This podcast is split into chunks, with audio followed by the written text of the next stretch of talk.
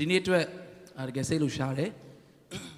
ကျွန်တော်နှုတ်ကပတ်တော်ကြားဖို့ရန်အတွက်ဘုရားကအမြဲတမ်းအလိုတော်ရှိတယ်ထို့တူပဲကျွန်တော်တို့နှုတ်ကပတ်တော်မကြားနိုင်ဖို့ရန်အတွက်အမြဲတမ်းနှောက်ယှက်တဲ့သူကလည်းရှိနေပါတယ်ဆိုတော့တော့တချို့သတိထားမိမယ်လို့ထင်ပါတယ်မနေ့ကအကောင်းပဲဒါပေမဲ့အစီအစဉ်ပြီးသွားတဲ့အချိန်မှာဘာဖြစ်လဲမသိဘူးကျွန်တော်အတန်ရုတ်တရက်နည်းငယ်လေးနော်ဝင်တယ်လို့ဖြစ်ပြီးတော့မှအာ တသက်လုံးမှာတစ်ခါမှမကြုံဘူးလို့ပြောရလောက်အောင်နော်တချင်းတွေစိုးပြီးတော့မှ2ရက်3ရက်ဆက်တိုက်စိုးမှဝင်တတ်တဲ့အတန်ကနော်အခုကဘာဖြစ်မှမသိဘူးအာဒါပေမဲ့ဒီနေ့ကျွန်တော်တို့အရောက်စီတိုင်းထိုနှုတ်ကပတ်တော်ကိုမာနကစီတာလို့မရဘူးနေ့သင်တဲ့ကျွန်တော်တို့စစ်မှန်သောနှုတ်ကပတ်တော်ကရောက်လာမှာဖြစ်တယ်ဟာလေလုယာလက်ကုပ်တိလက်ပြကျေးဇူးတော်ချီးမွမ်းရအောင်အာမင်အဒါမတိုင်ခင်မှာကျွန်တော်ပြန်ပြီးတော့အနေငယ်လေးအာကျူစုနှုတ်ဆက်ချင်တာကတော့เนาะကျွန်တော်တို့အာ မိဖွားပြီးကြတဲ့ကเนาะကျွန်တော်တို့ ਨੇ ပြန်လည်ပြီးတော့မှမတွေ့ရသေးဘူးเนาะကလေးတောင်တော်တော်ကြီးနေပြီထင်ပါတယ်ဆိုတော့သူဂတိပေးထားတဲ့အတိုင်းတကယ်ပြန်ရောက်အောင်လာတယ်เนาะကျွန်တော်တို့ညီမသီရိရှင်တန်ဒီနေ့မှာပြန်ရောက်လာပါတယ်ခဏမတ်တရပေးပါအောင်เนาะသူလက်ခုပ် TV ကျူစုပေးပါအောင်ကျေးဇူးတင်ပါတယ်ပြန်ထိုင်နိုင်ပါပြီเนาะကြာကြာရောပြန်တွေ့ရတယ်မမရီလည်းเนาะသားလေးနဲ့ပြန်တွေ့ရတယ်ဒီပဲဝမ်းသာပါတယ်လို့ကျွန်တော်တို့အခုလိုပြန်တွေ့ရတာကဖြစ်ကိုဖြစ်ရမယ်လို့ကျွန်တော်တို့တောင်းဆိုခွင့်မရှိပါဘူး။ နော်ဖခင်ကပို့ဆောင်လို့သာကျွန်တော်တို့ပြန်လဲတွေ့ဆုံရတာဖြစ်ပါတယ်လို့နှုတ်ကပတ်တော်အတွက်ခဏလေးစက္ကန့်အနိုင်ရအောင်အဖဘုရားသခင်ယေရှုတင်တယ်ဒီနေ့ပြင်ဆင်ပေးတဲ့အချိန်နာရီမှာကျွန်တော်တို့အတွက်အရေးကြီးဆုံးသောနှုတ်ကပတ်တော်ကိုခံယူဖို့ရန်တဖြစ်ပါတယ်။ကျွန်တော်ကဝေငှပြီးဒီမှာရှိတဲ့သူတွေနားထောင်တယ်ဆိုတာမျိုးမဟုတ်ဘဲနဲ့ကျွန်တော်အပါဝင်ဒီမှာရှိတဲ့သူအားလုံးကိုကိုရောပြောချင်သောစကားများကြားရသောနှုတ်ကပတ်တော်ဖြစ်စေပါကျွန်တော်ရဲ့ဇာတိအတွေးခေါ်ခံစားချက် ကောင်းမယ်ထင်တာတွေဖယ်ပစ်ပြီးတော့မှဝိညာဉ်တော်ဘုရားဓာတ်ရိုက်ကျွန်တော်တို့အားလုံးကိုနှုတ်ကပတ်တော်အားဖြင့်ဖြည့်ပေးတော်မူပါကျွန်တော်တို့သက်တာချိန်တိုင်းအားလုံးနဲ့နှုတ်ကပတ်တော်ကိုယေရှုနာမမြည်ပြုလက်ဆုတောင်းလက်ဆက်ကပ်အနံ့ကြပါ၏အာမင်ဒီနေ့အတွက်เนาะဖခင်များနေလည်းဖြစ်တဲ့အခါမှာကျွန်တော်ရွေးချယ်ထားတဲ့ခေါင်းစဉ်ကတော့အဖေတူသားလို့ကျွန်တော်ခေါင်းစဉ်ပေးထားပါတယ်เนาะ like father like son ဆိုတော့ဒီခေါင်းစဉ်လေးက ကျွန်တော်တို့ဒီဖခင်များနေ့တစ်ခုတည်းကိုပဲကျွန်တော်မိမောင်းထိုးသွားမှာမဟုတ်ဘဲねအားလုံးအတွက်ကျွန်တော်တို့အာလွတ်မြောက်ခြင်းဝမ်းမြောက်ခြင်းကောင်းကြီးမင်္ဂလာရရှိမယ်လို့မျှော်လင့်ပါတယ်ဆိုတော့အဖေတူသားလို့ကျွန်တော်တို့ပြောတဲ့အခါမှာเนาะကျွန်တော်တို့သွေးသားတော်ဆက်မှုကြောင့်ကျွန်တော်တို့ဟာအဖေတွေနဲ့အာတူချင်ပြီးတော့မှမတူတဲ့ကဏ္ဍတွေချို့ရှိတော်လဲပဲမတူချင်တောင်မှเนาะမတူလို့မရတဲ့အာ သွေးသားတော်ဆက်မှုကြောင့်ကျွန်တော်တို့တူတဲ့အချက်တွေအများကြီးရှိပါတယ်။เนาะကျွန်တော်တို့ရုပ်ပိုင်းဆိုင်ရာတူတာရှိတယ်။เนาะပြီးတဲ့အခါမှာကျွန်တော်တို့အကျင့်လေးတွေတူတာရှိတယ်။เนาะကျွန်တော်တို့ရဲ့အကြိုက်လေးတွေတူတာရှိတယ်စသဖြင့်ပေါ့လေဆိုတော့အာကျွန်တော်တို့တချို့သောသူတွေကเนาะကျွန်တော်တို့ဒီ HIM Ministry အထူးသဖြင့်အာကျွန်တော်တို့ HWC ဆိုပြီးပေါ်လာရခြင်း HIC စင်ကာပူအသင်းတော်လွန်ခဲ့တဲ့15နှစ်ကပေါ်လာရခြင်းဟာ ဖះကသူအလုတ်လုတ်တဲ့အခါမှာတချို့သောသူတွေကိုပါဝင်အာအသုံးတော်ခံခွင့်ပေးတယ်ဥမာလူ9000ကျော်ကိုမုံ9လုံးနဲ့9ကောင်ကျွေးဖို့ရန်အတွက်ကောင်းကင်ကနေကြစေနိုင်တဲ့ဖះကကလေးလေးတယောက်ရဲ့နေ့လယ်စာကိုလက်ခံပြီးတော့မှအတူတကွအာပါဝင်ခွင့်ပေးခဲ့တယ်လို့ပဲဒီနေ့လွန်ခဲ့တဲ့နှစ်ပေါင်း30ကျော်တုန်းကကျွန်တော်ရဲ့အဖေဟာမုံရွာကိုရောက်ပြီးတော့မှသူကမန်နေဂျာအင်ဂျင်နီယာအနေနဲ့တစ်လုပ်ငန်းမှာနော်အရာရှိတယောက်အနေနဲ့ရောက်ရှိပြီးတော့မှ သူရောက်တဲ့နေရာတိုင်းမှာသူကအေယုံဂီလောက်တယ်ယုံကြည်ပြီးသားသူတွေအားနေတဲ့သူတွေစုယုံပြီးတော့မှเนาะကျွန်တော်တို့ဝိပုကိုးကွယ်လေးရှိပါတယ်ဆိုတော့တခြားကျွန်တော်မမွေးဖွားခင်တော့ကလည်းတချို့မျိုးတွေရောက်တဲ့ခါမှာအသင်းတော်လေးတွေဖြစ်ပြီးတော့မှဆက်ပြီးတော့မှအာရှောက်လန်းသွားတဲ့အသင်းတော်တွေလည်းအများကြီးရှိခဲ့တယ်လို့သိရပါတယ်ဆိုတော့မုံရွာရောက်တဲ့ခါမှာလည်းသူကအမေနဲ့အတူတူကွာပေါ့နော်သူတို့မုံရွာဟာလေလုယာအသင်းတော်ကိုနှစ်ပေါင်း30ကျော် ခန့်ကနေပြီးတော့မှ92လောက်ကနေစပြီးတော့မှသူတို့အစာပြုခဲ့ကြပါတယ်ဆိုတော့ကျွန်တော်ဒီ HIM ministry ကိုအစာပြုခဲ့တဲ့เนาะဖခင်ကြီးဖြစ်တဲ့ Reverend Chin Khantan ဖြစ်ပါတယ်ဒီနေ့ဖခင်များနေ့မှာသူမရှိတော့ပေမဲ့2019မှာသူဟာခေါ်တော်မူခြင်းခံရပြီဖြစ်တယ်သူမရှိတော့ပေမဲ့သူအားဖြင့်ရရှိတဲ့ကောင်းကြီးမင်္ဂလာတွေသူကျဲချခဲ့တဲ့မျိုးစေ့တွေအတွက်အထူးပဲဖခင်ရဲ့ခြေဆုတော်ကိုချီးမွမ်းပါတယ်လက်ခုပ်တီးလက်သူရဲ့တက်တာအတွက်ကျွန်တော်တို့ဂုဏ်ပြုကြရအောင် အာဆိုတော့ကျွန်တော်အဖေကအာတော်တော်လေးအာကျွန်တော်ကိုလွှမ်းမိုးမှုရှိပါတယ်ကျွန်တော်လည်းအလွှမ်းမိုးခံပါတယ်ဘာလို့လဲဆိုတော့သူကကျွန်တော်တို့ဝိညာဉ်ရေးရာဖခင်လည်းဖြစ်တယ်ဆရာလည်းဖြစ်တယ်နော်ကျွန်တော်တို့ကိုဆွဲခေါ်တယ်ကျွန်တော်တို့ကိုအားပေးတယ်နော်ပြီးတော့သူ့ရဲ့အသက်ရှင်မှုတွေကကျွန်တော်တို့အတွက်များစွာအတူယူစရာတွေအများကြီးရှိတဲ့ခါမှာဘုရားရဲ့ခြေဆုတော်ကိုအထူးပဲချီးမွမ်းပါတယ်လို့ကျွန်တော်နော်ခရနေမှာဆိုမိတော်မှာဆိုလို့ အဲကိုမိုးကြီးထင်တယ်နော်ဟိုဟာဖနက်ဖနက်ချုပ်ပေးတယ်ဆိုတာနော်ဒီမှာရှိတဲ့ကျွန်တော်တို့ညီကိုတယောက်ရှိပါတယ်နော်ကိုမိုးကြီးကအာဆမ်မခေါ်မလို့စီကိုထင်တယ်တက်သေးခံတယ်သူကမုံရွာမှာအာဒီနေခဲ့ဘူးတယ်ပေါ့လေနေတဲ့အချိန်မှာအဖေရဲ့တင်းသားမဟုတ်ဘူးတဲ့မဟုတ်ဘဲနဲ့တစ်ချိန်မှာကြုံတယ်ကြုံတော့ဘယ်လိုကြုံလဲဆိုတော့အဲကျွန်တော်မှတ်ပြီးသလောက်ပေါ့နော်သူဖက်နှက်ပြက်တယ်နော်ဖက်နှက်ပြက်ပြီးတော့မှလူကြားထဲမှာဖက်နှက်ပြက်ပြီးတော့မှနော်ဒုက္ခရောက်တဲ့ချိန်မှာ ကျွန်တော်အဖေကသူ့ရဲ့ဖက်နှက်စီးနေတဲ့ဖက်နှက်ကိုချွတ်ပေးပြီးတော့မှနော်သူ့ရဲ့အချက်ကိုအာသူဒါစီးပါဆိုပြီးတော့ပေးတဲ့ခါမှာဟာငါသူ့တင်းသားလည်းမဟုတ်ဘဲနဲ့နော်အဲ့လောက်လည်းရင်းနှီးတာမဟုတ်ဘဲနဲ့နော်ဒီဆရာကြီးကတကယ်ကိုနော်ဖះရဲ့အာနှိမ်ချစွာအစီခံတဲ့အမှုတော်ဆောင်ပါလားဆိုပြီးတော့မှသူမှတ်သားရတယ်ကိုမိုးကြီးရှိလားမသိတော့ဒီမှာရှိပါတယ်ရှိလားမနေ့ပိုင်းကလာတယ်ချင်းတယ်ဟုတ်ပြီနော်မလာဘူးနောက်ပြီမနေ့ပိုင်းကလာသွားတယ်ဟုတ်ပြီကျေးဇူးတင်တယ် ပြောချင်တာကကျွန်တော်အဖေရဲ့နှလုံးသားအဖေရဲ့အာဒီရုပ်ပိုင်းဆိုင်ရာရောသူ့ရဲ့အလေးထားလေးတော့ကျွန်တော်တော်လေးသဘောကျပါတယ်ကျွန်တော်ကအာအဖေနဲ့ချို့တော်တော်များများမှာတူတယ်လို့လည်းကျွန်တော်ခံစားဆိုတော့သူသဖြင့်ကြိုက်တာလေးတွေတူတယ်ပေါ့လေနော်ကြိုက်တာတွေတူတယ်မကြိုက်တာတချို့လည်းတူတယ်အာပြီးတော့ဒီသူ့ရဲ့ခံယူချက်တွေတော်တော်များများလည်းကျွန်တော်သဘောကျတယ်အာကျွန်တော်လည်း သူ့ရဲ့အဲ့ဒီယုံကြည်ခြင်းအမွေတွေသူ့ရဲ့အမြင်တွေသူ့ရဲ့စိတ်ထားတွေအကုန်လုံးမဟုတ်ရင်တော့မှတချို့ကိုကျွန်တော်အမွေရတယ်လို့ကိုကိုကိုခံယူတယ်ပြီးတော့အဖေကထူးခြားချက်ကမောင်နှမတွေအားလုံးမေးလိုက်နော်ညင်းခုံလို့မိုးသာလင်းသွားမယ်ငါ့ကိုအဖေကအချစ်ဆုံးလို့မောင်နှမအားလုံးကခံယူထားတာနော်ဆိုတော့တကယ်ပဲလားမဟုတ်ရင်ကျွန်တော်တို့အားလုံးကပဲကိုယ့်ကိုအဲ့လိုထင်အောင်နော်အဖေကလှုပ်ပေးတာလားတော့မသိဘူးနော်တစ် ခါလေးကြန့်ရှိတယ်ချို့မိသားစုမှာလေမလေးအဲ့ဒါအဖေသမီးနော်အဲ့ဒါအဖေသားအားလုံးကလည်းမြင်တယ်အားလုံးကလည်းလက်ခံတယ်အဖေကတော့မဟုတ်ဘူးအားလုံးကိုအတူတူချစ်တယ်လို့ခံစားရလောက်အောင်သူကကျွန်တော်တို့ကိုချစ်ချင်းမေတ္တာကို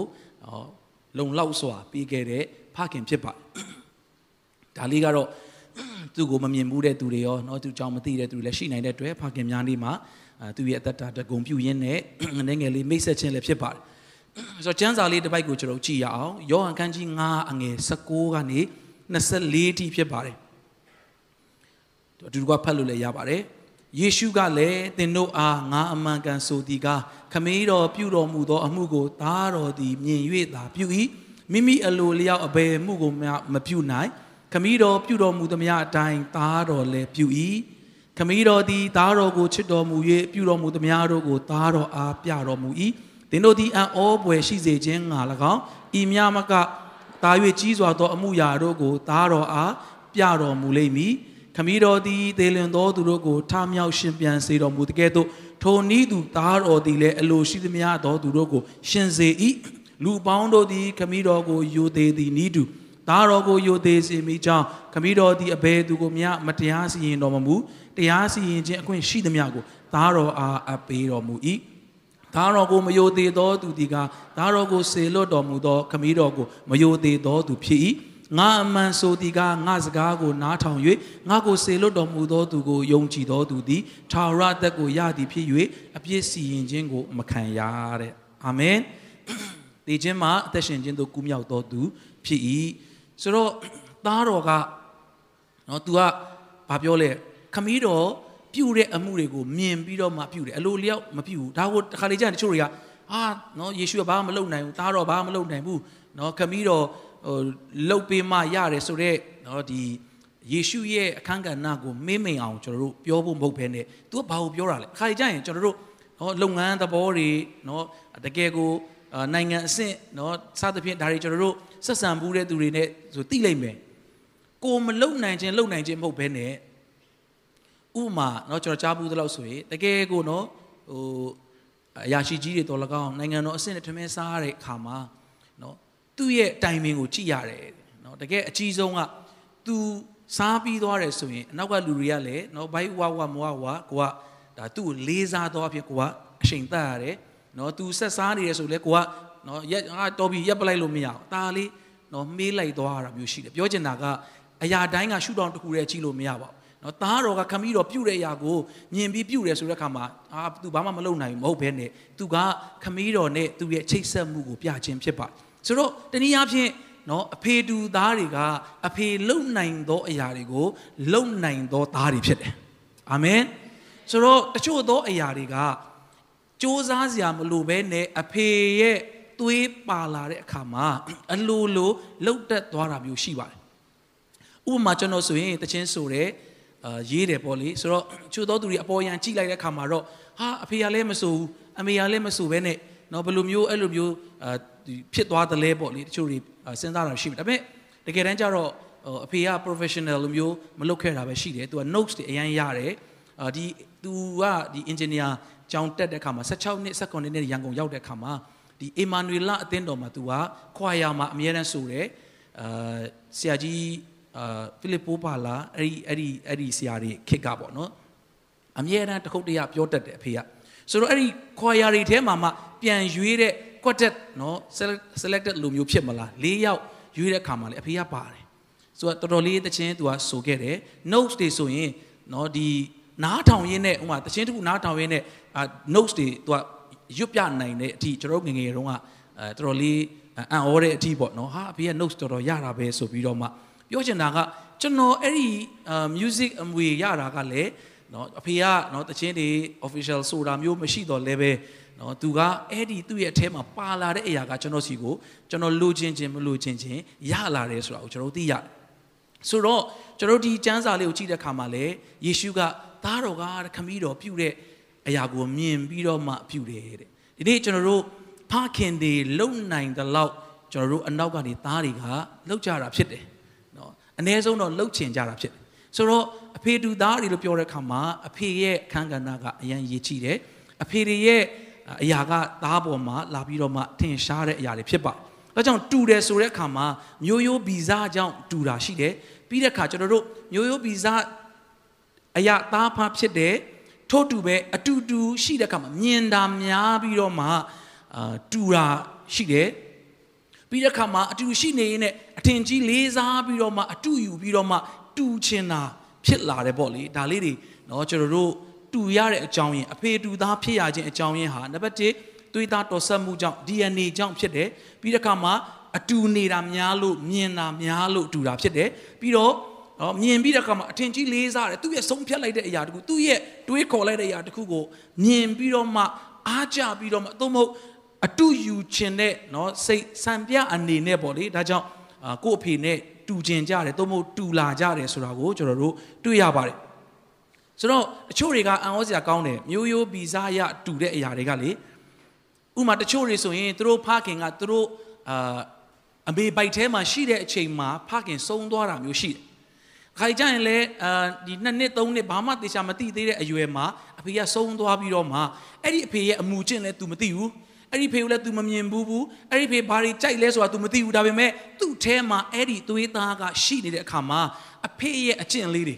ဟောတစ်ခါကြရင်အဖေရဲ့ကိုဟန်လေးတွေနော်သူ့ရဲ့ခန္ဓာကိုယ်လှရှားမှုမှာထင်ရှားလာတဲ့တခါလေကျရင်သူ့ရဲ့အကြိုက်တွေကအဲကြည်စံသူ့ဖေနဲ့တူလိုက်တာနော်အဖေကိုလည်းမမြင်ဘူးပဲနဲ့မြင်အောင်မမြင်ဘူးပေမဲ့သွေးသားတော်ဆက်မှု DNA ဖြစ်လာအဲ့ဒါနဲ့ချိတ်ဆက်တဲ့အခါမှာသားတွေကအဖေနဲ့တူမှန်းမသိတူသွားတဲ့အချိန်လည်းရှိတယ်။ ဒါကြောင့်ချုပ်ကန္နာတွေကတော်တော်လေးအံ့ဩစရာကောင်းပါတယ်။နော်ဆိုခုနအစမှပြောကျွန်တော်ပြောသလိုကျွန်တော်ဆိုရင်အဖေနဲ့ကြိုက်တာလေးတွေအာတော်တော်တူတယ်အဲကျွန်တော်အဲ့လိုတူရတာကိုလည်းကျွန်တော်တော်တော်လေးဂုံယူတယ်ပေါ့နော်အဖေနဲ့တူတယ်အဖေကကျတော့ဥမာဟင်းတွေပါတွေအိမ်မှာတမင်းစားရတယ်ဆိုရင်ဟင်းမကောင်းလို့ဆိုပြီးတော့မှကျွန်တော်တိတဆအရွယ်ကလေးကသူဆုံးသွားတဲ့အထိအိမ်မှာဟင်းမကောင်းလို့เนาะအမေဖြစ်ဖြစ်တရားကချက်ထားတဲ့ဟင်းကိုချက်ထားပြီးသားဟင်းတစ်ခုခုကိုကြည့်ပြီးတော့မှဒီဟင်းငါမကြိုက်ဘူး ငါ့ကိုတခုလှုပ်ပေးဆိုတာကျွန်တော်တစ်သက်လုံးတစ်ခါမှမတွေ့ဘူး။ तू ကဒီတိုင်းပဲစားတာ။ဆိုတော့ကျွန်တော်အဲ့ဒါကိုမြင်တဲ့အခါမှာမြင်တာများတော့ကျွန်တော်ကလည်းနော်အဲ့ဒီလိုလေးအဲဖြစ်တဲ့အရာကိုကျွန်တော်ကလည်းသဘောကျလာ။ဒီနေ့ကျွန်တော်တို့အဖေတွေကိုနော်မြင်တာများတနည်းအားဖြင့်များများပေါင်းဖော်တဲ့သားဖတွေကပို့ပို့ပြီးတော့မှတူလာတယ်ဆိုတော့ကျွန်တော်တို့တွေ့ရတယ်။အာမင်။ဒါကြောင့်ဒီနေ့ကျွန်တော်တို့ဟာ နော်ဒီအရာလေးကိုအခြေခံပြီးတော့မှကျွန်တော်တို့ရဲ့အာဝိညာဉ်အတွက်ကျွန်တော်တို့တက်တာအတွက်ကျွန်တော်တို့ဆက်လက်ပြီးတော့မှခွန်အားယူသွားမှာဖြစ်ပါတယ်ပြီးတော့အဖေကအာလူများတွေကိုအရန်ကူညီတတ်တယ်နော်ကျွန်တော်တို့ဒါဖခင်များနေမှကြုံတဲ့ခါမှာနော်ပြောရတာမျိုးလည်းဖြစ်တဲ့ခါမှာကျွန်တော်အရင်တော့ကလည်းပြောဘူးသူလိုပေါ့ကျွန်တော်ဩစတြေးလျတစ်ခေါက်သွားတဲ့အခါမှာညီလေးတယောက်ကကျွန်တော်ကိုတွေ့ချင်တယ်လို့ပြောတယ်ကျွန်တော်သူ့ကိုလည်းမသိဘူးဟာဒါနဲ့အဲ့ကဆရာဆရာမတွေကကျွန်တော်ပြောတယ်နာမည်ပြောတယ်ကျွန်တော်မသိဘူးသူနဲ့တွေ့နေပြီကျွန်တော်သူ့မသိဘူးမမြင်ဘူး ဆိုတော့ဟာကျွန်တော်တို့စုံဘူးသလားကျွန်တော်ကိုနေ့လဲစာကြွေးချင်တယ်တဲ့နော်ပြီးတော့လက်ဆောင်လေးလည်းပေးချင်တယ်ပြောတဲ့ခါမှာနော်အာမတွေ့လို့မရဘူးဆိုပြီးတော့ပြောတဲ့ခါမှာကျွန်တော်ကျွန်တော်တွေ့ဘူးသလားဆိုမတွေ့ဘူးပါဘူးတဲ့ဒါပေမဲ့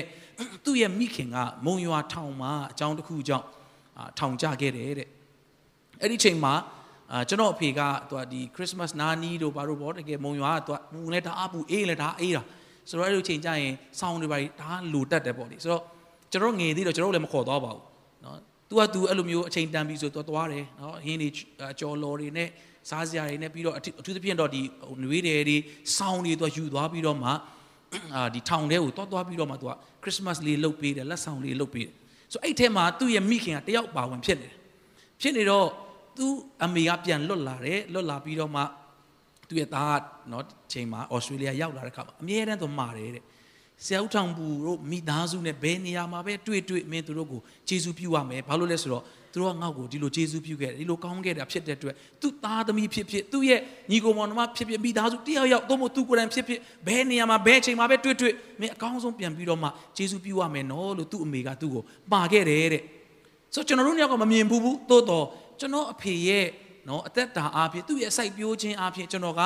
နော်နှစ်ပေါင်းများစွာကြာတဲ့အခါနိုင်ငံရဲ့ခြားမှာ ကျွန်တော်ကနေ့လေစားအကောင်းဆုံးစားရတယ်ကျွန်တော်ကိုနော် love gift တွေလူငွေတွေလက်ဆောင်တွေအများကြီးပေးတယ်ကျွန်တော်ကြောင့်မဟုတ်ကျွန်တော်အဖေရဲ့အသက်တာအပြင်ဖြစ်တဲ့အခါမှာအိုးတကယ်တော့အဲ့နော်အဲ့ဒီကောင်က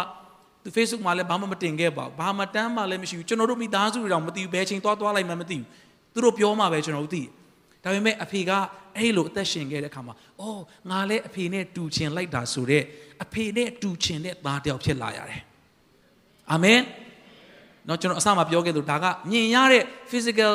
အာဒီလောကဖခင်တွေရဲ့เนาะဒီအခြေအနေဝဲပြောတာမဟုတ်ဘူးเนาะကျွန်တော်တို့ဆက်ပြီးတော့မှဝิญဉ်အကင်းပါစွာနဲ့ကျွန်တော်တို့နားထောင်ကြရအောင်ဆိုတော့ကျွန်တော်တို့အတွက်အဖေကအရန်ရေးကြည့်တယ်အဖေရဲ့အမူကျင့်အတိုင်းကျွန်တော်တို့ကမလိုချင်လဲကျွန်တော်ရတာရှိသလိုကျွန်တော်တို့ကိုယ်တိုင်လိုချင်ပြီးတော့မှကျွန်တော်တို့အသက်တာမှာသူနဲ့တူချင်တယ်သူဆိုရင်ဘယ်လိုစဉ်းစားမလဲ သူဆိုရင်ဘယ်လိုဆုံးဖြတ်မလဲဆိုတာလေးတွေကကျွန်တော်တို့အတွက်အများကြီးเนาะကောင်းတဲ့အရာတွေကိုယူဆောင်လာပေးပါသားတွေเนาะစိတ်သက်ကောင်းလာဖို့ဆိုတာအဖေတွေရဲ့သူတို့ရဲ့စိတ်သက်သူတို့ရဲ့အသက်တာကိုကြည့်ပြီးတော့မှเนาะမူရင်းဖြစ်တဲ့ဖခင်ကနေပြီးတော့မှကော်ပီဖြစ်တဲ့သားတွေကအမွေဆက်ခံလာတာဖြစ်တဲ့အခါမှာ ဒါကအဲ့ဒီအချိတ်ဆက်ကအရန်ရေးကြည့်ပါဒါကြောင့်ယေရှုကငါရှောက်ရှောက်လုပ်တာမဟုတ်ဘူးနော်တဲ့ငါကခမီးတော်ပြုတ်တဲ့အရာတွေကိုမြင်ပြီးငါပြုတ်တာခမီးတော်မပြောတဲ့အရာတွေငါမပြောဘူးငါပြောတာအားလုံးကခမီးတော်ပြောတဲ့အရာဖြစ်တယ်ဒါတွေကနော်ကျွန်တော်တို့နားလေအောင်သူကချပြနေတာဖြစ်တယ်အာမင်ဒီနေ့ကျွန်တော်တို့ကထိုကဲ့သို့ဖခင်နဲ့အချိတ်ဆက်ရှိတော်သူများဖြစ်ဖို့ဖျားရှိကောင်းကြီးပေးပါစေလက်ကုပ်တီးလက်ပြားရဲ့ကျေးဇူးတော်ကိုချီးမွမ်းကြရအောင်အာမင်ဆိုတော့ကျမ်းစာထဲမှာအဖေနဲ့တူတဲ့သားတွေ နော်တချို့အကြောင်းအရာလေးတွေရှိလိမ့်မယ်သို့တော့နော်ဒီနေ့အချိန်ရရောကျွန်တော်တို့ပုံစံလေးတွေတူတဲ့အတွက်ကျွန်တော်တို့တယောက်နော်ကိုလေ့လာရအောင်သူကတော့ကပ္ပဦးကျမ်းအခန်းကြီး26အငယ်1မှာပါတဲ့အရာဖြစ်ပါတယ်ဖတ်ကြည့်အောင်နော်ဒါလေးကို1နှစ်3အာဗြဟံလက်ထက်ထိုပြည်၌ဖြစ်ပူသောအစာခေါင်းပါခြင်းမှတပါနောက်တပံအစာခေါင်းပါခြင်းရှိပြန်သည်ဖြစ်၍ဤဇက်သည်ဖိလိတိမင်းကြီးအဘိမလက်နေရာဂေယာမြို့သို့သွားလေ၏ဆိုတော့ဒီနေရာမှာ အာဗြဟံလက်ထက်မှာထိုပြည်၌ဖြစ်ပူးတဲ့အစာခေါင်းပါခြင်းမှတပါနောက်တစ်ပံအစာခေါင်းပါခြင်းရှိပြန်သည်ဖြစ်၍တဲ့ဣဇက်သည်ဖိလိတိမင်းကြီးအဘိမလက်နေရာဂေယာမြို့သို့သွားတယ်ဆိုအဲ့ဒီနေရာကိုသွားခဲ့တာကသူပဲမဟုတ်ဘူးအာဗြဟံလက်ထက်တုန်းကလည်းအဲ့ဒီနေရာကိုသွားခဲ့အဲ့ဒီမှာကျွန်တော်တို့ပြောရရင်တော့သူ့ရဲ့မျိုးသမီးကိုသူကညီမလို့လိန်ပြီးတော့မှပြောတဲ့နော်အဲ့ဒီနေရာလေးဖြစ်ပါတယ်အဖေတွေကဒုက္ခရောက်တာနဲ့ ဘယ်နေရာကိုပြေးတယ်လဲဆိုတာကိုသားတွေကကြည်ထားတယ်အဖေတွေကဒုက္ခရောက်တဲ့အခါဘလို့ဆူတောင်းတယ်လဲဆိုတာကိုသားတွေကကြည်ထားတယ်အာမင်တခုခုပြဿနာကြုံတဲ့အခါအဖေတွေကဘယ်လိုရက်တည်တယ်လဲဆိုတာကိုသားတွေကတေချာကြည့်ထားတာဖြစ်တယ်ဒီနေ့ဖခင်များနော်ကျွန်တော်ဖခင်လဲနော်မနေ့ကဆရာမကွန်ပြောသွားသလိုကျွန်တော်တို့ကတော့ကိုဖေဆိုတော့ကျွန်တော်တို့ကကောင်းတယ်လို့ကျွန်တော်လည်းခံယူတယ်ဒါပေမဲ့တချို့နေရာတွေမှာလည်းနော်အဖေကိုယ်တိုင်လည်းပြောပါတယ် နော်ဖြတ်ပြီးပြောရအဖေကဟေးအဲ့ဒီနေရာမှာတော့ငါနဲ့မတူကြနဲ့နော်တဲ့နော်အဖေကအများကြီး smart လဲကြတယ်အလုပ်လဲလုပ်နိုင်တိုးတော့သူ့ကိုယ်သူသိအားမရတာသူကတခုခုလှုပ်เสียရှိရင်ချက်ချင်းသူကထလှုပ်တာမျိုးနည်းနည်းအားနေတယ်ဆိုတော့နည်းနည်းလေးသူ့ကိုယ်သူနောက်ကျတယ်လို့ခံစားတယ်တခုဆိုချက်ချင်း response ပေးရမယ့်ဟာချက်ချင်းလုပ်ရမယ့်ဟာမျိုးဆိုသူကနည်းနည်းနောက်ကျတယ်လို့သူခံယူကျွန်တော်ကလည်းဖြစ်ချင်တော့နော်ဂုံယူရမလားဘာလားမသိဘူးအဲ့ဒါနည်းနည်းသွားတူနေတာအဖေနဲ့ဆိုတော့ဂုံယူတဲ့ဘက်ကဆိုလည်းမစိုးဘူးပေါ့လေနော်ဒါပေမဲ့ ကျွန်တော်တားဖားနှစ်ယောက်လုံးအဲ့ဒါကိုတော့တိတ်မကြိုက်ကြဘူးနော်အဖေနဲ့လည်းဆွေးနွေးဘူးလေအေးမင်းငါ့ကိုအဲ့ဒါတော့တိတ်မတူနဲ့နော်ငါလည်းငါ့ကိုမှကြိုက်တာမဟုတ်ဘူးတဲ့မကြိုက်ပေမဲ့နော်အဖေဖြစ်နေတော့ကိုယ့်စီမှာပြေးတော့မလွတ်ဘူးပေါ့လေနော်ကဏ္ဍရခိုင်နှုံးတချို့တော့ရောက်လာတာပေါ့ဆိုတော့နော်အာဗြဟံလက်ထက်မှာဖြစ်တဲ့အဲ့ဒီအရာမျိုးပြန်ဖြစ်တဲ့ကမှာသူ့သားဖြစ်တဲ့ဣဇက်ကလည်းတစ်ခါတည်းပြေးတာဒီနေ့သင်ဒီတခုခုကြုံတဲ့အခါယုံကြည်ခြင်းနဲ့ပြေးသောဖခင်ဖြစ်ဖို့ဘုရားရှင်ကောင်းကြီးပေးပါစေဟာလေလုယာ သင်ကတခုခုကြုံတဲ့အခါယုံကြည်ခြင်းနဲ့ပြေးခဲ့တယ်ဆိုရင်သင်သားတွေလက်ထက်မှာလည်းအဲ့လိုကြုံတဲ့အခါယုံကြည်ခြင်းနဲ့ပြေးသောသားတွေအနောက်ကလိုက်လာမှာဖြစ်တယ်ဟာလေလုယာဆိုတော့အဲ့မှာကျွန်တော်တို့ပြန်ပြီးတော့ကြည့်ရအောင်အာကပောင်ကျန်ခန်းကြီး20အငယ်1ကနေ73ကိုကျွန်တော်ပြန်ပြီးကြည့်ရအောင်အဲ့မှာတဖန်အာပြန်ဒီတောင်ပြည်သို့ခရီးသွားသဖြင့်ကာဒေရှမြို့နှင့်ရှုရမြို့ဆက်ကြားမှနေ၍ဂေရာမြို့သို့တဲခု၏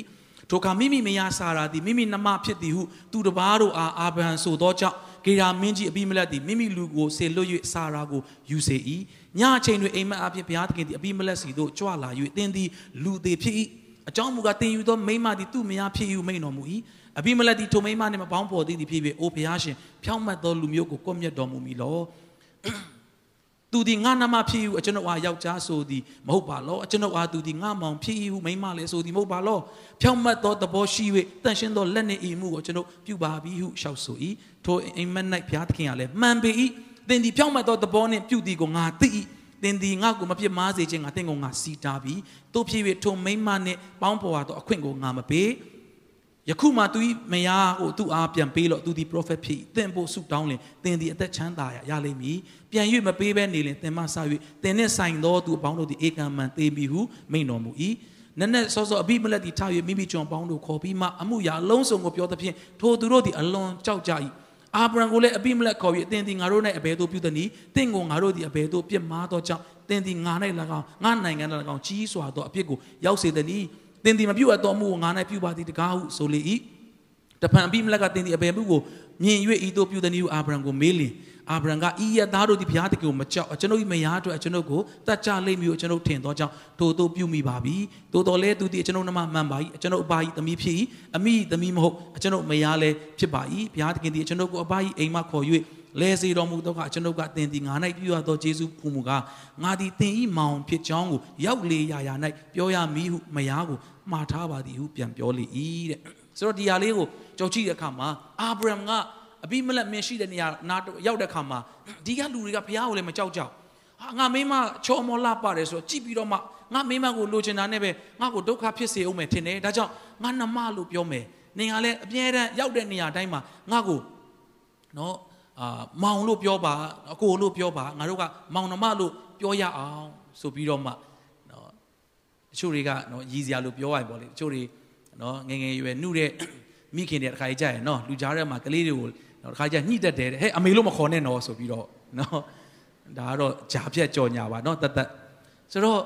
သူကညှိထားတာနှစ်ယောက်ကငငါ့ကိုယောက်ျားလို့မခေါ်အောင်ငါလည်းနေ့ကိုမိန်းမလို့မခေါ်ဘူးဘာလို့ငါတို့နှစ်ယောက်လုံးဒုက္ခရောက်သွားလိုက်အဲ့တော့အသားလေးငါတို့မောင်နှမလို့နေမယ် ဆိုတော့မောင်နှမလို့ပြောထားတဲ့ခါကျတော့အပြီးမလန်မင်းကတိမ့်ပါလေရောဒါပေမဲ့ဖယားကစီတာတယ်ဟေးမင်းမတို့ကမလုပ်နဲ့နော်ဆိုတော့အာကျွန်တော်သိမှမသိတာကျွန်တော်တန်ရှင်းတဲ့လက်နဲ့ဟုတ်တယ်မှန်တယ်ဒါပေမဲ့ဒီလိုလိုဖြစ်တယ်မင်းပြန်အပ်ရမယ်သူ့ကိုဆူတောင်းခိုင်းရင်မင်းပြက်လွတ်လိမ့်မယ်လို့ပြောတယ်ဒါကအာဗြဟံလက်ထက်မှာဖြစ်တာဆိုတော့အာကပ္ပဦးကျမ်းခန်းကြီး26အငယ်6ကနေ7ကိုပြန်ကြည့်ရအောင်အံ့ဩစရာကောင်းတဲ့အဖေတူသားတွေနော် ဆိုတော့အဲ့မှာဘာတွေ့ရလဲဆိုတော့ဣဇက်ဒီဂေရာမြို့၌နေစဉ်တွင်မြို့သားတို့သည်သူ၏မယားအကြောင်းကိုမေးသောအခါနော်ဒါဣဇက်အလဲရောက်လာပြီရေဘကာသည်လှသောအစင်းရောင်ရှိသောကြောင့်ဤပြည်သားယောက်ျားတို့သည်သူ့အကြောင်းကြောင့်ငါ့ကိုတတ်မိဟုဆိုရင်၍သူသည်ငါမယားဖြစ်သည်ဟုမပြောမဆိုဝန်းငါနှမဖြစ်သည်ဟုပြောဆို၏ ထိုမျိုး၌ကာလအင်တန်ကြာနေပြီးမှတနေ့သ၌ဣဇက်သည်မိမိမယားရေဘက်ကာနှင့်ကစားသည်ကိုဖိလိတိမင်းကြီးအဘိမလက်သည်ပရင်ပေါက်ဝါကကြည့်မြင်လင်ဣဇက်ကိုခေါ်၍ထိုမိမသည်ကဲစင်စစ်သင်၏မယားဖြစ်၏တို့ရာတွင်သူသည်ငါနှမဖြစ်၏အဘဲကြောင့်သင်ပြောရသည်ဟုမေးတော်ဣဇက်ကသူ့အတွက်ကြောင့်ကျွန်ုပ်သေမီကိုစိုးရိမ်ပါသည်ဟုရှောက်ဆို၏အဘိမလက်မင်းကလည်းငါတို့၌သင်ပြုသောအမှုကအဘယ်သို့နည်းတစုံတယောက်သောသူသည်သင်၏မယားနှင့်အမတ်တမဲ့သင့်နေလင်ငါတို့ခေါင်းပေါ်မှာသင်သည်အပြစ်ရောက်စေလိမ့်မည်တကားဟုဆိုပြီးမှ ဤလင်မယားကိုပြမသောသူအဆက်ဆက်သေးခံရမည်ဟုမိမိလူပေါင်းတို့ကိုမှားထားတည်းဟုတ်ပြီဆိုတော့အဖေလက်ထက်တုန်းကလည်းဒီ dialogue ပဲဒီစကားပဲဒီပုံစံပဲเนาะကိုမိမကိုနှမလို့ပြောပြီးတော့မှလိန်ခဲ့တယ်ဆိုတော့သားလက်ထက်ဖြစ်တဲ့ easy လက်ထက်ရောက်လာတဲ့ခါကျတော့လေသူ့သားကလည်းတစ်ခါပြန်ပြီးတော့မှသူ့မိမကိုနှမလို့ပြန်ပြောပြန်ရော နော် like father like son တကယ်ကိုကွက်တီဖြစ်နေတာနော်ဆိုတော့ဒီနေ့ဖခင်များသင်ဟာယုံကြည်ခြင်းစကားကိုအမြဲပြောတတ်တော်သူဖြစ်တယ်ဆိုရင်သင်သားကတစ်ချိန်မှာယုံကြည်သောစကားကိုပြောလာမှာဖြစ်တယ်ဟာလေလုယာဖခင်များသင်ဟာဖခင်ကိုအမြဲတမ်းချီးမွမ်းတတ်တော်သူဖြစ်တယ်ဆိုရင်သင်သားကလည်းတစ်ချိန်မှာဖခင်ကိုချီးမွမ်းတတ်တော်သားသမီးတွေဖြစ်လာမှာဖြစ်တယ်ဟာလေလုယာဟာလေလုယာဒါကြောင့် like father like son နော်အဖေတွေပြုတ်တဲ့အရာကိုသားတွေကအနောက်ကနေထက်ချက်မကွာကြည်နေတာဖြစ်တယ်ဆိုတာကိုကျွန်တော်တို့ဒီဖြစ်ပျက်လေးအဖြစ်ကျွန်တော်တို့နားလည်ရပါတယ်ဆိုတော့ဒါကတော့နော်ဟိုနည်းနည်းလေးအပြစ်တင်ရရောက်တယ်ပေါ့လေနော်သူတို့သားဖာနှစ်ယောက်ကို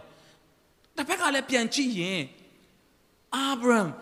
ဇက်ယာကုပ်ဖယားလို့ဖယားကသူ့ကိုယ်သူမိတ်ဆက်တဲ့ခါအမြဲတမ်းဂုံယူစွာနဲ့သူကမိတ်ဆက်တဲ့ဖယားဖြစ်တယ်အာမင်အဲ့ဒါကဘာလို့လဲဆိုတော့အာဗြဟံရဲ့မျိုးဆက်ကလည်းဖယားကိုယုံကြည်တယ် ဣဇက်အထိဖျားကိုယုံကြည်တယ်ယာကုပ်ရောက်တဲ့အထိလေနော်နောက်ဆုံးဣသရေလလို့ပြောင်းတဲ့အထိဖျားကိုပဲဖက်တွယ်ခဲ့တဲ့မျိုးရိုးစင်ဆက်လိုက်စီစဉ်ခဲ့တော့ like father like son ဖြစ်တယ် hallelujah အဖေရဲ့ယုံကြည်ခြင်းကသားတွေမြေးတွေအထိစီစဉ်တာဖြစ်တယ်အာမင် hallelujah ဆိုတော့အာဗြဟံကသာဣဇက်ကိုဖျားနဲ့မိတ်ဆက်မပေးနိုင်ခဲ့ဘူးဆိုရင်ဖျားကနော်ဣဇက်ရေငါကအာဗြဟံမင်းဖေရဲ့ဖျားကွာမင်းကြမှာဘလို့ဖြစ်တာလဲ သို့မဟုတ်ယာကုပ်ကိုယာကုပ်မင်းအဖိုးတော်ကတော့ငါ့ကိုဖះဖះကိုအယံအားကိုးတာအယံယုံကြည်တာမြေးဖြစ်တဲ့နော်မင်းလက်ထက်ကြမှာသို့မဟုတ်ဟာမင်းတို့ရဲ့အစစ်အဆက်အဆက်ကြမှာပဲလို့ပြောရမှာဖြစ်တယ်ဒါပေမဲ့ like father like son ကိုကောင်းတဲ့ဘက်မှာကျွန်တော်တို့မြင်ရတဲ့အခါမှာ Abraham Isaac ယာကုပ်ရဲ့ဖះလို့ဖះကဂုံယူဝင့်ကြွားစွာသူ့ကိုယ်သူမိတ်ဆက်တယ်ဒီနေ့သ င်ကိုဖခင်ကပြောတဲ့အခါမှာအချို့သောသူတွေကသင်လက်ထက်ကြမှာယေရှုခရစ်တော်ကိုယုံကြည်ပြီးတော့မှပရမမျိုးဆက်ယုံကြည်သောမျိုးဆက်အဖြစ်ဖခင်ကရွေးကောက်တဲ့သူရှိလိမ့်မယ်။နော်ကျွန်တော်စိတ်ထဲမှာခံစားရတယ်။ထိုကဲ့သို့ကိုယ့်ရဲ့ generation ကြမှာယေရှုကိုယုံကြည်ပြီးတော့မှယုံကြည်သောပရမမျိုးဆက်ဖြစ်သောသူများရှိရဆိုခဏလက်မြောက်ကြည့်ရအောင်။နော်အချို့သောသူတွေဝါလက်ခုပ်တီးပြီးဂုဏ်ပြုပေးရအောင်အာမင်အာမင်ဒီနေ့ကစပြီးတော့မှတင့်ကိုဖခင်ကတင့်မိသားစုနဲ့စကားပြောတဲ့အခါမှာငါဟာ မင်းရဲ့ဖယားမင်းရဲ့ဖယားမင်းရဲ့ဖယားဆိုပြီးတော့မှနော်အဆွေစဉ်မျိုးဆက်30 40တိုင်အောင်ရွတ်ပြီးတော့မှဂုံယူရသောမျိုးဆက်ဖြစ်ဖို့ဘုရားရှိခိုးကြီးပေးပါစေ hallelujah like father like son abraham ကဖယားနဲ့ပတ်သက်လိုက်တပြားမှမလျှော့ဘူးဆိုတာကိုသားဖြစ်တဲ့ဣဇက်ကသေချာမြင်ထားတယ်ဘလောက်တောင်မြင်တယ်လဲဆိုတော့သားလာခဏသွားရအောင်ဘယ်သွားမှာလဲပြီဖယားကိုသွားပူဇော်မယ်ရစ်ရစ်ပူဇော်မယ်ကိုးကွယ်မယ်ဟာဟုတ်ပြီသွားရအောင်သွားနေနေ तू သူ့သားဣဇက်ကအဖေထင်းနေလဲရှိတယ်အကုန်လုံးရှိတယ်ရစ်ကောင်ဘက်မှာလဲရတယ်ဘုရားပြင်ဆင်ပေးလိမ့်မယ်လမ်းမှာလဲမေးတယ်အဖေဘယ်လိုလဲရစ်ကောင်ဘက်မှာလဲဘုရားပြင်ဆင်ပေးလိမ့်မယ်ဟိုရောက်တော့ရစ်ကောင်ကဣဇက်ဖြစ်နေတာနော်သူကိုယ်တိုင်ဖြစ်နေတာဆိုတော့သူတော်လေးကိုနော်နားမလည်နိုင်တော့ဒါပေမဲ့ကျွန်တော်ယုံကြည်ပါတယ်အာဗြဟံကဣဇက်ကိုတေချာရှင်းပြခဲ့ပဲလို့ကျွန်တော်ယုံကြည်တယ်အာမင် ဒီနေ့ဖခင်နဲ့ပတ်သက်ရင်တင့်သားသမီးတွေကိုတေချာရှင်းပြတော့ဖခင်များဖြစ်ဖို့ဘုရားရှင်ကောင်းကြီးပေးပါစေဟာလေလုယာဟာလေလုယာဆိုတော့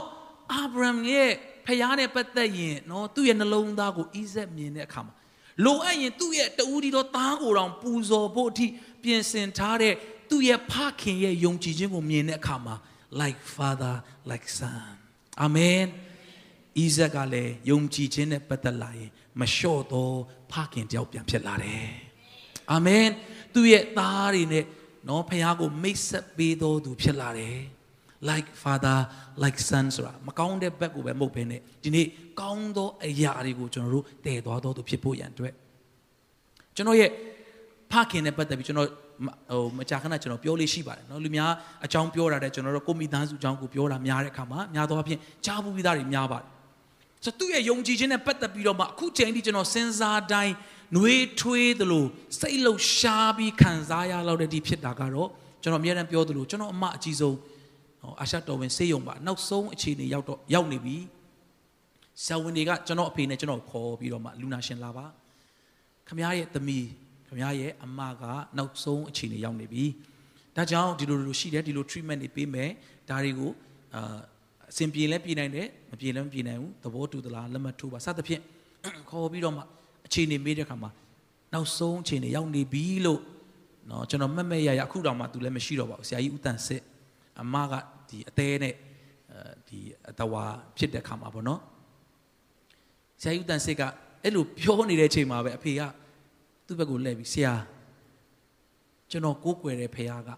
သူအလိုရှိတယ်ဆိုရင်ကျွန်တော်သမီးကိုအနာရောဂါ ပေးပြောင်းနိုင်တယ်ဆိုတာကျွန်တော်ယုံကြည်တယ်လို့ဆရာဦးတန်စစ်ကိုမျက်နာတဲ့တဲ့ကြည့်ပြီးပြောပလိုက်တယ်ဟာရတယ်ကျွန်တော်ကလူဆိုတော့အခြေအနေလဲသိနေပြီအမှန်တမ်းပြောရင်ဆိုတော့ကျွန်တော်ချင်းလို့ဒါလေးသူ့ကိုလက်တုပ်ပြီးတော့မှအဖေသူတို့နားလဲမှာမဟုတ်ဘူးလေလို့ဒါကပြောမနေနဲ့လို့တစ်ဖက်ကလည်းကျွန်တော်စိုးရင်ဟာအဖေနော်သူစိတ်တွေပါတွေမှနော်ကစင်ကလားဖြစ်ပြီးတော့မှပြောချင်တာတွေပြောနေပြီလားပေါ့လေစိုးရင်လွန်ပြီးတော့သူ့မို့ဝမ်းနေလွန်ပြီးတော့မှအဖေကဆရာကြီးထွက်တော့ကျွန်တော်ကိုထတ်ဆူတယ် ငါပြောတာဘာမားလို့လဲကျွန်တော်သူ့ကြည့်တဲ့အခါမှာငါပြောတာတေချာနားထောင်ငါပြောတာကမင်းမရဲ့အခြေအနေကတတ်တတ်ငါတို့ကိုးကွယ်တဲ့ဘုရားရဲ့အခြေအနေကတတ်တတ်ငါပြောတာကဘုရားတကယ်အလိုရှိတယ်ဆိုငါတို့ကိုးကွယ်တဲ့ဘုရားကသေတော်သူတော်ရှင်စေနိုင်တဲ့ဘုရားကဘယ်တော့မှမပြောင်းလဲဘူးတဲ့ဟာလေလုယာ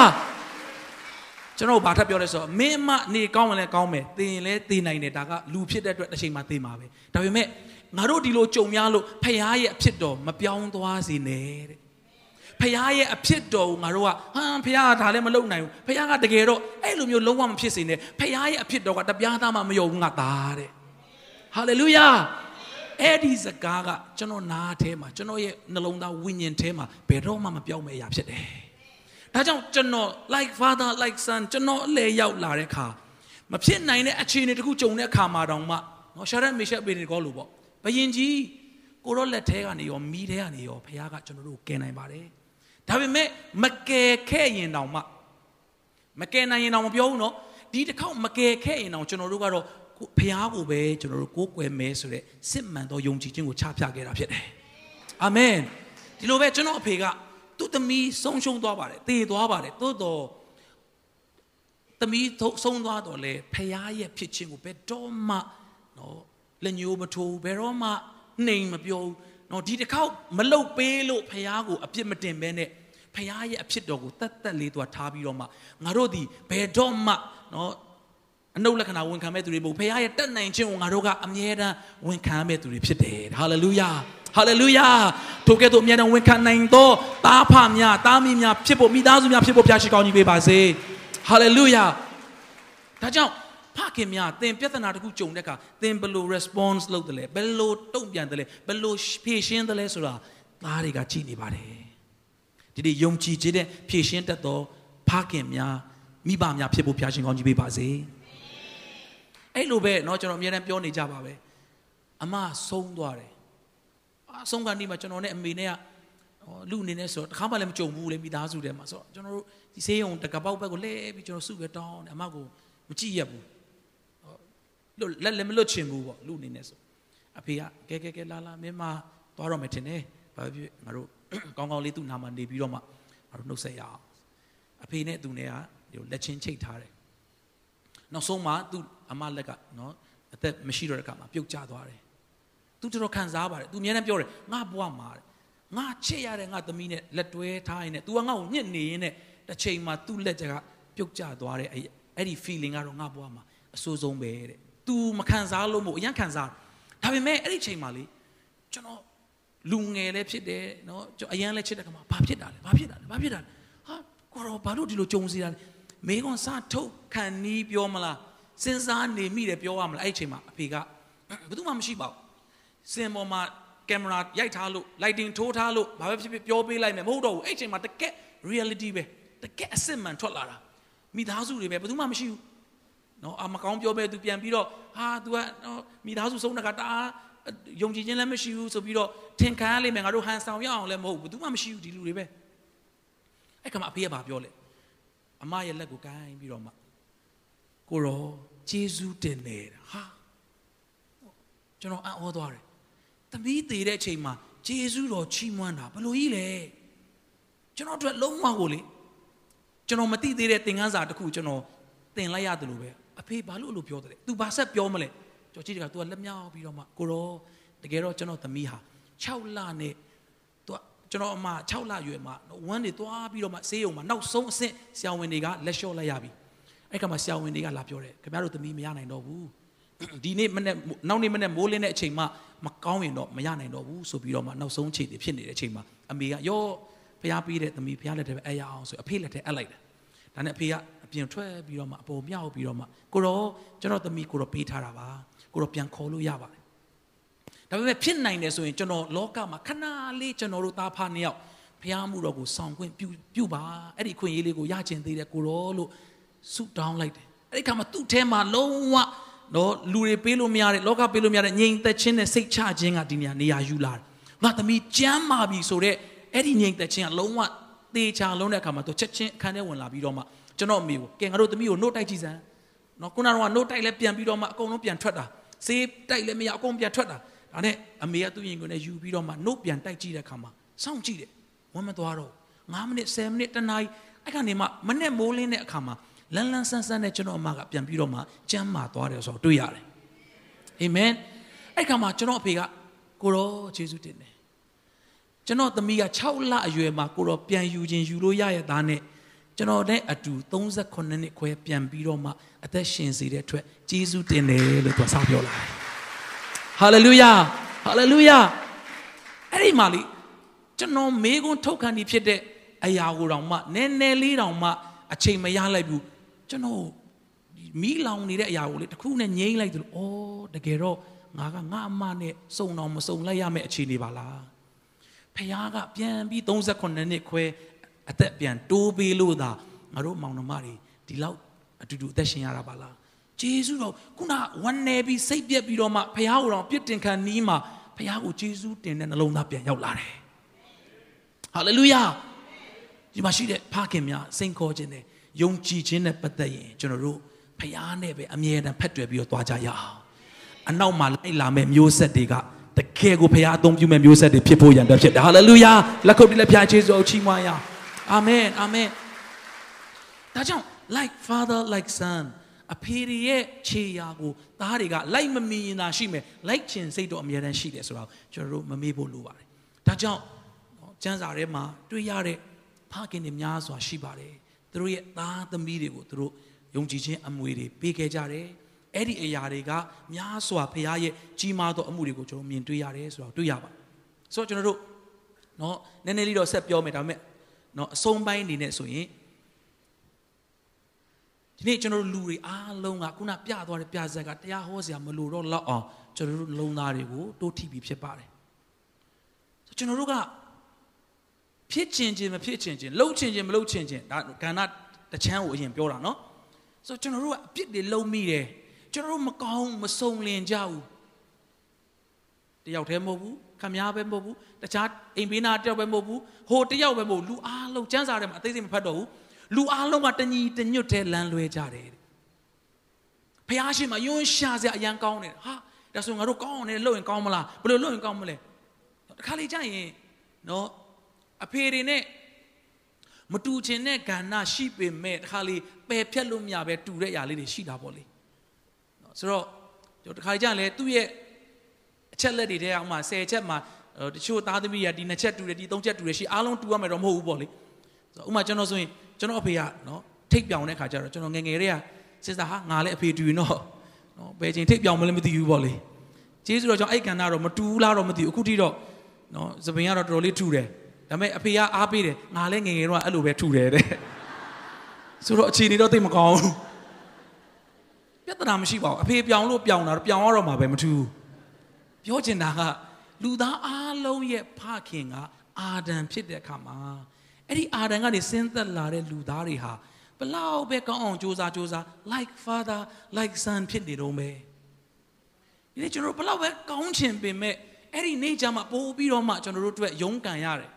ပို့ပြီးတော့မှခက်ခဲတယ်နော်ခွင့်လွတ်မယ်လို့စဉ်းစားတဲ့နေ့မှခွင့်မလွတ်နိုင်စရာအကြောင်းပြချက်ခိုင်လုံစွာ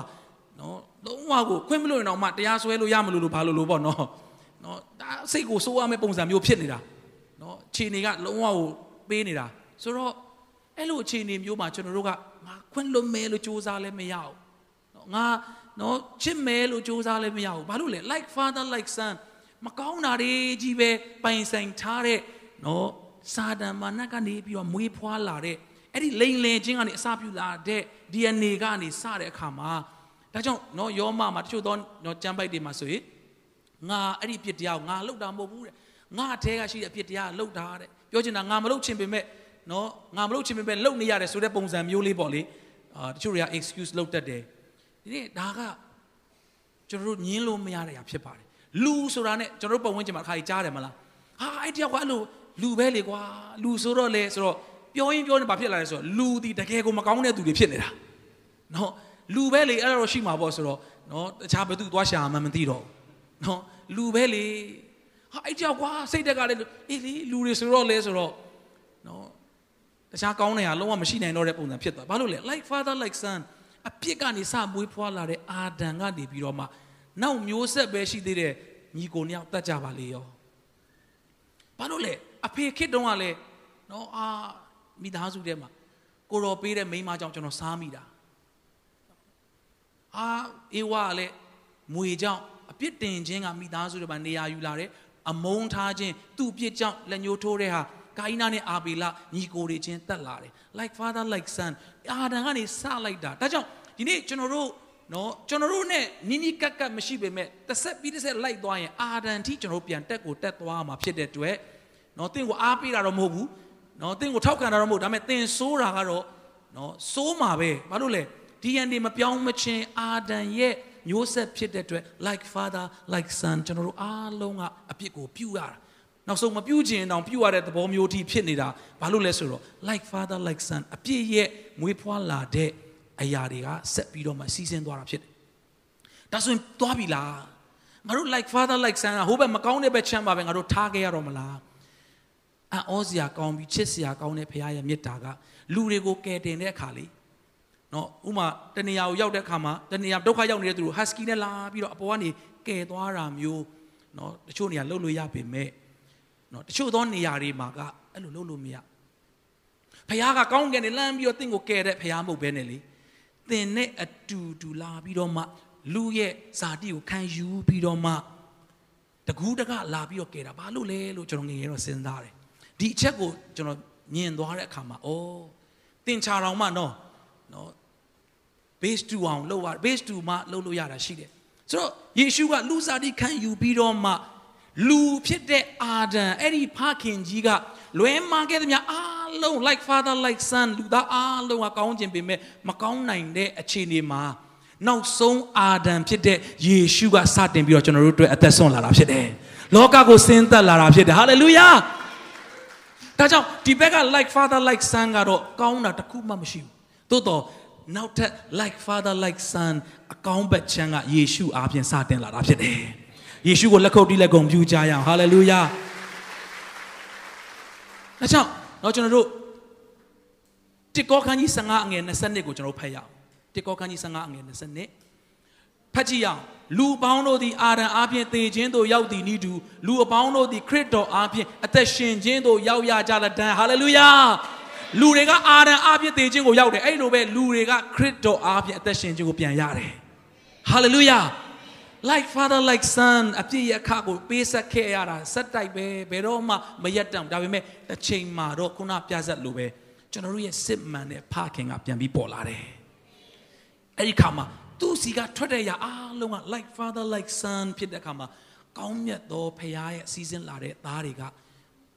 အားလုံးကောင်းသောသူဖြောင့်မတ်သောသူပြန်ဖြစ်လာတယ် hallelujah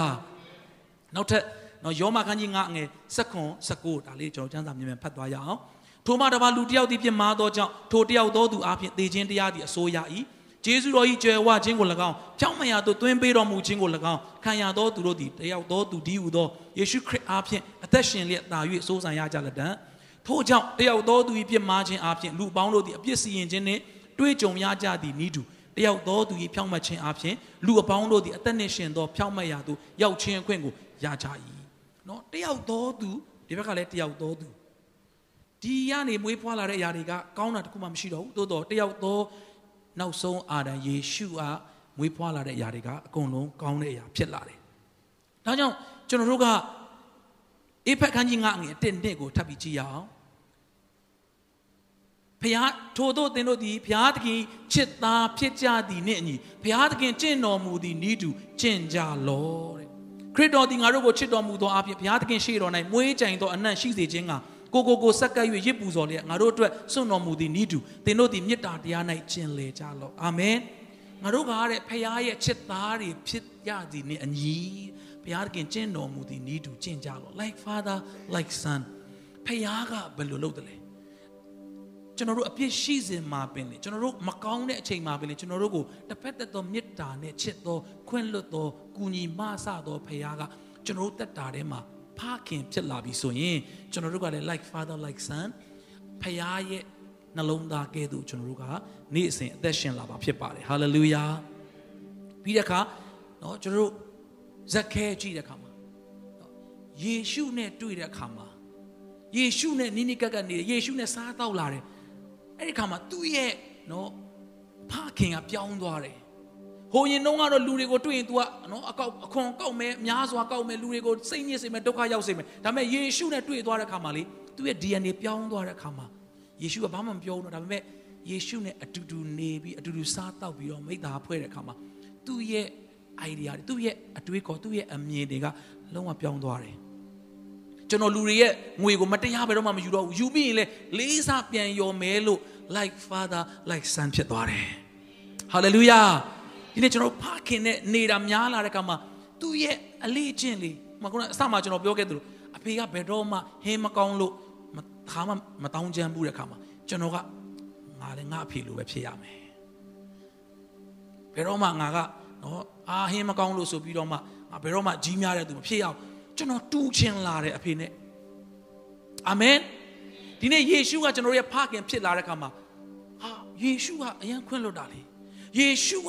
အယံချစ်တာငါဒီသင်တို့ကိုချစ်တယ်နည်းလို့သင်တို့အချင်းချင်းချစ်ကြပါလို့ပြောတယ်ယေရှုငါတို့ကိုဒီလောက်ချစ်တာငါလည်းယေရှုနဲ့တူတော်သူဖြစ်ရမယ်ဟာလေလုယာငါလည်းဖခင်ရဲ့နှလုံးသားရတော်သူဖြစ်ရမယ်အာမင်ဖိလိပ္ပိအခန်းကြီးနဲ့အငယ်ငါနောက်ဆုံးကျမ်းစာအနေနဲ့ဖတ်ရအောင်တင်းနဲ့သုံးယေရှုခရစ်၌ရှိသော ထိုစိတ်တော်ကိုသင်တို့၌လည်းရှိစေကြလောအာမင်ဟာလေလုယာဒီနေ့ကိုယ့်အဖေကို admire ဖြစ်တဲ့အခါမှာအယံကိုလေးစားတဲ့အခါမှာ तू ပြောတဲ့အတိုင်းပြောချင်တယ်သူ့ရဲ့အလေးထားအလေးတိုင်းကျွန်တော်တို့ငါအဖေကပြဿနာကြုံတဲ့အခါကျွန်တော်အယံသဘောကျတာကတခုခုကြုံတဲ့အခါအယံပြမနေဘူးအဖေကဘာမှသိမခံစားသလို तू ရှိပြီးတော့မှ तू ကအေးအေးဆေးဆေးလေး तू ကဖြည့်ရှင်းတော့ကျွန်တော်အယံသဘောကျတယ် တခုခုဆိုအာအုံနိုင်ချင်းအော်ပြစ်ပြီးတော့မှဘာညာမဟုတ်ဘဲနဲ့ तू တတ်နိုင်တဲ့လောက် तू မြစ်တာနဲ့ तू ကပြဿနာတိုင်းကိုကင်တွယ်ဖြည့်ရှင်းတယ်ဆိုတော့မြင်တဲ့အခါမှာကျွန်တော်သူ့လောက်တော့မလုံနိုင်တော့လဲကျွန်တော်လှုပ်ချင်တဲ့စိတ်လေးတော့ရှိလာတယ်ကျွန်တော်တခုကြုံပြီဆိုရင်ကျွန်တော်အာအကုန်လုံးကိုအာအော်ပြစ်ပြီးတော့မှအာနော်ဒါဒီမှာတော့ကျွန်တော် gospel လာပြီးတနေရာမှာလာပြီးဝင်ငါနေရမဟုတ်တဲ့အတွက်ကျွန်တော်အားလုံးရှေ့မှာပဲမတက်ရပြီးပြောနေတာဖြစ်တဲ့အတွက်မဟုတ်ဘူးဆိုလဲနော်ညင်းလို့ရပါတယ်နော် ကျွန်တော် team တွေကျွန်တော် volunteer တွေကျွန်တော်တခါလေးပြောမိတဲ့ချိန်တော့ရှိရင်ရှိမယ်တိုးတော်လည်းပဲအာလုံးဝကြီးကိုနေကျွန်တော်အားကိုစိတ်ဆိုးပြီးတော့မှအော်ပြစ်ပြီးတော့မှအာဆဲဆိုပြီးတော့မှဒါမျိုးကျွန်တော်လှုပ်ဖို့အတွက်ကျွန်တော်ကိုကျွန်တော်ခွင့်မပြုဘာလို့လဲကျွန်တော်အဖေဒါဆိုရင်ဘယ်လိုလုပ်မလဲဆိုတော့ကျွန်တော်မြင်ထားတဲ့အတွက်ကျွန်တော်ပြဿနာတစ်ခုခုကိုရင်ဆိုင်ရတိုင်းအဖေနှလုံးသားနဲ့ဖြည့်ရှင်းခြင်းနဲ့သားတယောက်ဖြစ်ချင်လာတယ်အာမင်ဟာလေလုယာ လက်ကိုတီးလက်ဘုရားရဲ့ယေရှုတော်ကိုချီးမွမ်းရအောင်အာမင်ကျွန်တော်ဘုရားမှာနော်စော်ကားခံရတဲ့လို့ပြောလို့ရတဲ့အရာတွေအများကြီးရှိတယ်ဒါပေမဲ့ငါအဖေတုန်းကအဲ့လိုခွင့်လွတ်ခဲ့တာကျွန်တော်ပြန်မြင်တဲ့အခါမှာငါလည်းအဖေနဲ့တူချင်တယ်ခရစ်တော်ရဲ့စိတ်သဘောထားကိုရှိချင်တော်သူများဖြစ်ကြရအောင်အာမင်ထိုကဲ့သို့ရှိဖို့ရန်အတွက်ယေရှုခရစ်တော်ကိုသင်ရလာပြီဆိုရင်အဲ့ဒီခရစ်တော်ကကျွန်တော်တို့ရဲ့ဖခင်ဖြစ်လာပြီဆိုရင် like father like son သင်ယေရှုနဲ့တူဖို့ဆိုရင်တော့မကောင်းတာတစ်ခုမှရှိမှာမဟုတ်တော့ hallelujah hallelujah ဒီဘက်ချမ်းကအာဒံနဲ့တူခဲ့သမျှအားလုံးကျွန်တော်တို့လုံးဝညင်းပယ်ပြီးတော့မှနှလုံးသားတကားဖွင့်ပြီးတော့မှယေရှုဒီဟူသောနောက်ဆုံးသောအာဒံနဲ့ကျွန်တော်တို့တူဖို့ရန်အတွက်ဆန္ဒရှိတယ်ဆိုရင်ဒီနေ့သင်နှလုံးသားတကားဖွင့်ပြီးတော့ကိုတော့ကျွန်တော်မကောင်းတာလုပ်ခဲ့တဲ့မာနရဲ့နော်အာလမ်းပြတဲ့အရာတွေ သူ့ရဲ့လမ်းစဉ်တွေကျွန်တော်လိုက်ခဲ့တဲ့အရာတွေလူသားစားအာဒံရဲ့မကောင်းသောအရာတွေရှိသမျှဒီနေ့ကျွန်တော်လက်ထက်မှာကျွန်တော် generation မှာအဲ့ဒီ like father like son ဆိုတဲ့ဒီဘက်ချမ်းကိုရက်မယ်နောက်ဆုံးအာဒံဖြစ်တဲ့ကျွန်တော်တို့ရဲ့အသစ်သောဖခင်နဲ့တူချင်တယ်လို့ကျွန်တော်စက္ကကြရအောင်အာမင်ဟာလေလုယာဒါကြောင့်ဒီနေ့ညင်းလို့မရပါဘူးတူသလားမတူဘူးလားဆိုတာကနေ့တိုင်းပေါ်နေတာဖြစ်ပါတယ် ဒါကြောင့်ဒီနေ့သင်ဟာယေရှုတကယ်ရလာပြီဆိုရင်ခရစ်တော်ရဲ့စိတ်သဘောထားတကယ်ရလာပြီဆိုရင်ဒီနေ့ခွင့်လွတ်တတ်တော်သူစိတ်တူတဲ့သူကလည်းစိတ်မတူတော့အဖေနဲ့တူသောသားသမီးတွေဖြစ်လာမယ်ဇက်ခဲကလည်းအယမ်းဆိုးတဲ့သူပါအာလူတွေကိုလက်ပင်းညစ်ပြီးတော့မှပတ်စံလိုက်တောင်းတဲ့သူပါလူတွေကသူ့ကိုတွေ့တာနဲ့လန့်နေတာဒါပေမဲ့အဖေပြောင်းသွားတယ် DNA ပြောင်းသွားတဲ့အခါမှာ like father like son သူ့ဘက်ကစွန့်လွတ်မှုတွေကြီးပဲစတင်စီးဆင်းလာတယ် hallelujah hallelujah hallelujah ဒါကြောင့်ဒီဘက်အာရန်နဲ့တူကျင်သလားဒီဘက်အာရန်နဲ့တူကျင်သလားဒီဘက်အာရန်ကတော့နောက်ဆုံးသောအာရန်ဖြစ်တဲ့ယေရှုနဲ့ကျွန်တော်တို့တူပြီဆိုရင်တော့